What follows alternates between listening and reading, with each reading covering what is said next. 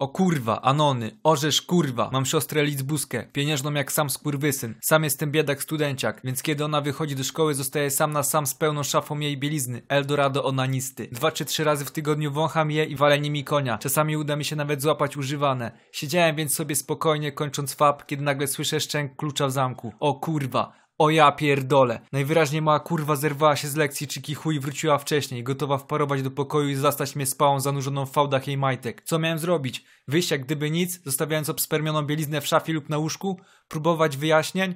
Powiedzieć prawdę o papieżu i wykurwić przez okno? Mała dygresja, Anonki. To skurwysyńsko ważne dla dalszej części historii. Mamy w domu taki zajebiście wielki kufer na ubrania. Nie skrzynię, pierdolony kufer. Żywcem wyjęty z Harry'ego Pottera czy innego lotra. Rodzice dostali go od babciały na którąś tam rocznicę ślubu. I planowali z miejsca wyjebać, ale siostrze Kucpannie się spodobał, więc u niej został. Nie mam pojęcia co w nim trzymało, ale w tamtej chwili miałem naprawdę kurewską wielką nadzieję, że nic. Spanikowany jak sam chuj, rzuciłem się do tego kufra. Upchnąłem do niego dupą do góry i w pierdolonej ostatniej chwili zamknąłem wieko, akurat by stłumić dźwięk otwieranych drzwi. To była chyba najdłuższa jebana cisza w moim życiu, po której rozległ się szum odpalonego kąpeła i siostra zajęła się swoimi sprawami.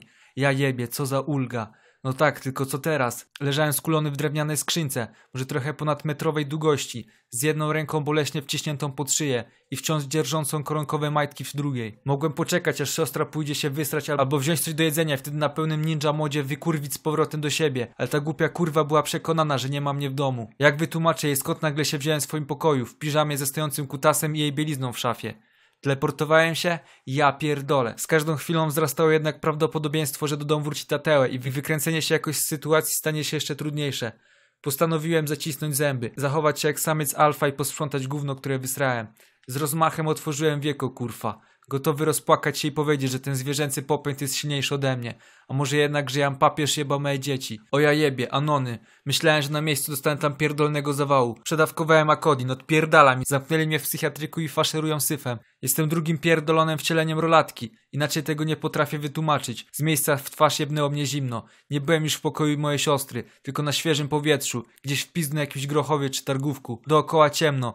Włóczy się patologia. Bieda wychyla się za każdego odrapanego blokowego rogu.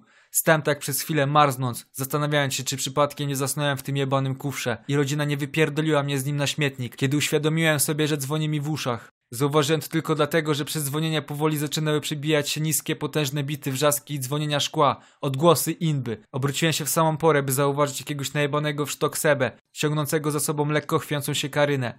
Zauważyli mnie i chyba trochę ich przytkało, bo zatrzymali się i nagle przestali zaśmiewać z jakiegoś chujowego dowcipu. Gorączkowo myślałem co powiedzieć. Widzicie, Anony, to nie była kwestia hur-dur, tak bardzo stulejanie nie umiem się odezwać do sprzedawczyni. Hur, tak dużo przegrać. Stałem bosymi nogami w drewnianym kufrze w piżamie na kilkustopniowym mrozie, ściskając w ręku obspermione majtki mojej siostry. Na moją korzyść przemawiało jedynie to, że sebowa parka właśnie wytoczyła z pobliskiego klubu i była najebana sztywno. Pierdolnąłem więc pierwszą rzecz, jaka przyszła mi do głowy. Jestem rolatka, podróżnik w czasie, to jest moje magiczne pudełko! I wiebałem się z powrotem do kufra, z debilną nadzieją, że uda mi się przynieść z powrotem do domu. Albo gdzieś, gdzie nikt nie będzie miał problemu z waleniem konia do używanej bielizny. Jan papież demon, pedofil, sługa szatana! Ryknąłem jeszcze dla animuszu i pierdolnąłem wiekiem, o mało nie przytrzaskując sobie palców. Chyba pół godziny tam leżałem, czując się jak kutas w róże od odkurzacza. Zanim w końcu odważyłem wyjrzeć na zewnątrz, byłem w pełni przygotowany na zobaczenie polackich mord Seby z Karyną, próbujących zrozumieć o chuj mi chodzi, lub dzwoniących po karetkę. Z zaskoczeniem więc zauważyłem, że znów jestem w pokoju siostry.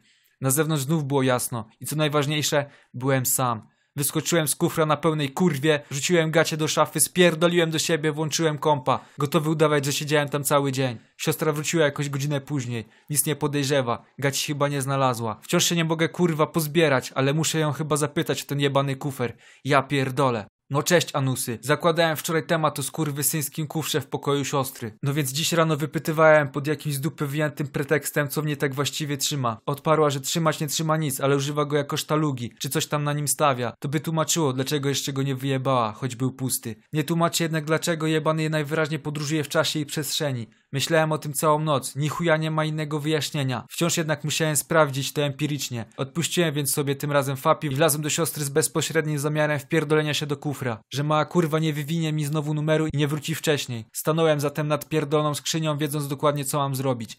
Przyznam się wam, Anony, że czułem się podekscytowanie, chociaż sam z siebie śmiechałem w głębi duszy, że wyruszam w epicką wyprawę drewnianą skrzynką po babci. XD. Wcisnąłem się do kufra. W trochę bardziej przemyślanej pozycji niż wczoraj. Wciąż było jednak kurewsko ciasno. Z sercem napierdalającym jak kanon papieża siekierą zamknąłem wieko i skupiłem się na celu swojej podróży. Wyobraziłem sobie pewną japońską knajpę w Londynie. Była to w gruncie rzeczy dość losowa lokacja. Tak się akurat złożyło, że dokładnie zapamiętałem jej wystrój oraz pieniężne żarcie. Chyba z 10 minut tam siedziałem, przypominając sobie każdy najmniejszy detal kibla, w którym chciałem się zmaterializować. Po czym otworzyłem skrzynię i... Gówno. Wciąż byłem w pokoju mojej siostry Lizbuski.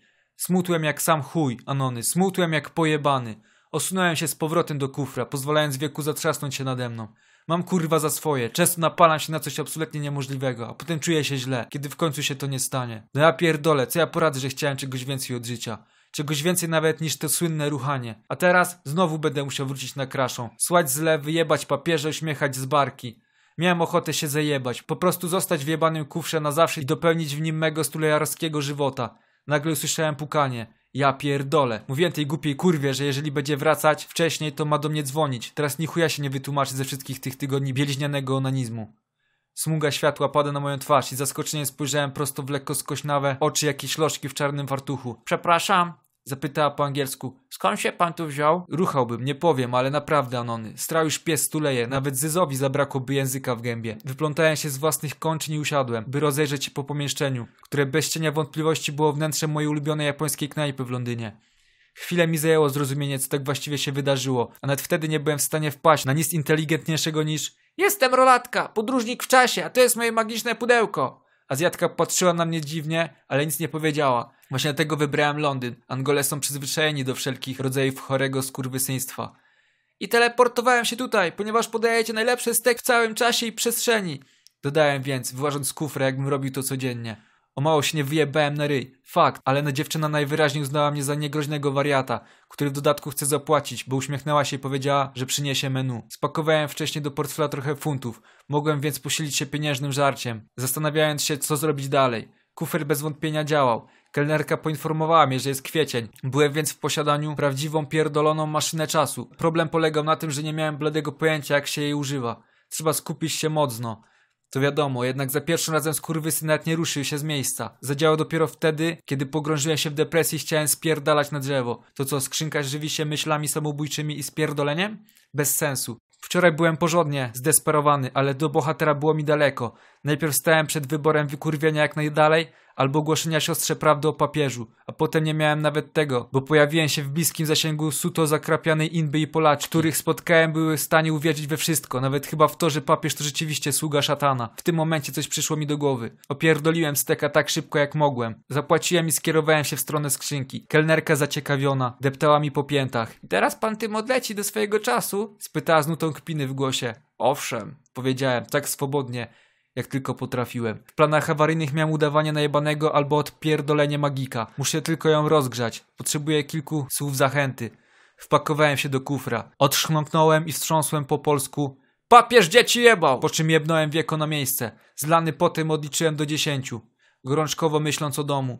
Ja pierdolę, a jeśli jednak nie działa? Jeśli leżę wciśnięty w starą skrzynię na środku londyńskiej knajpy, a pieniężna Azjatka chichocze z mojego spierdolenia? Obróciłem się z trudem na plecy.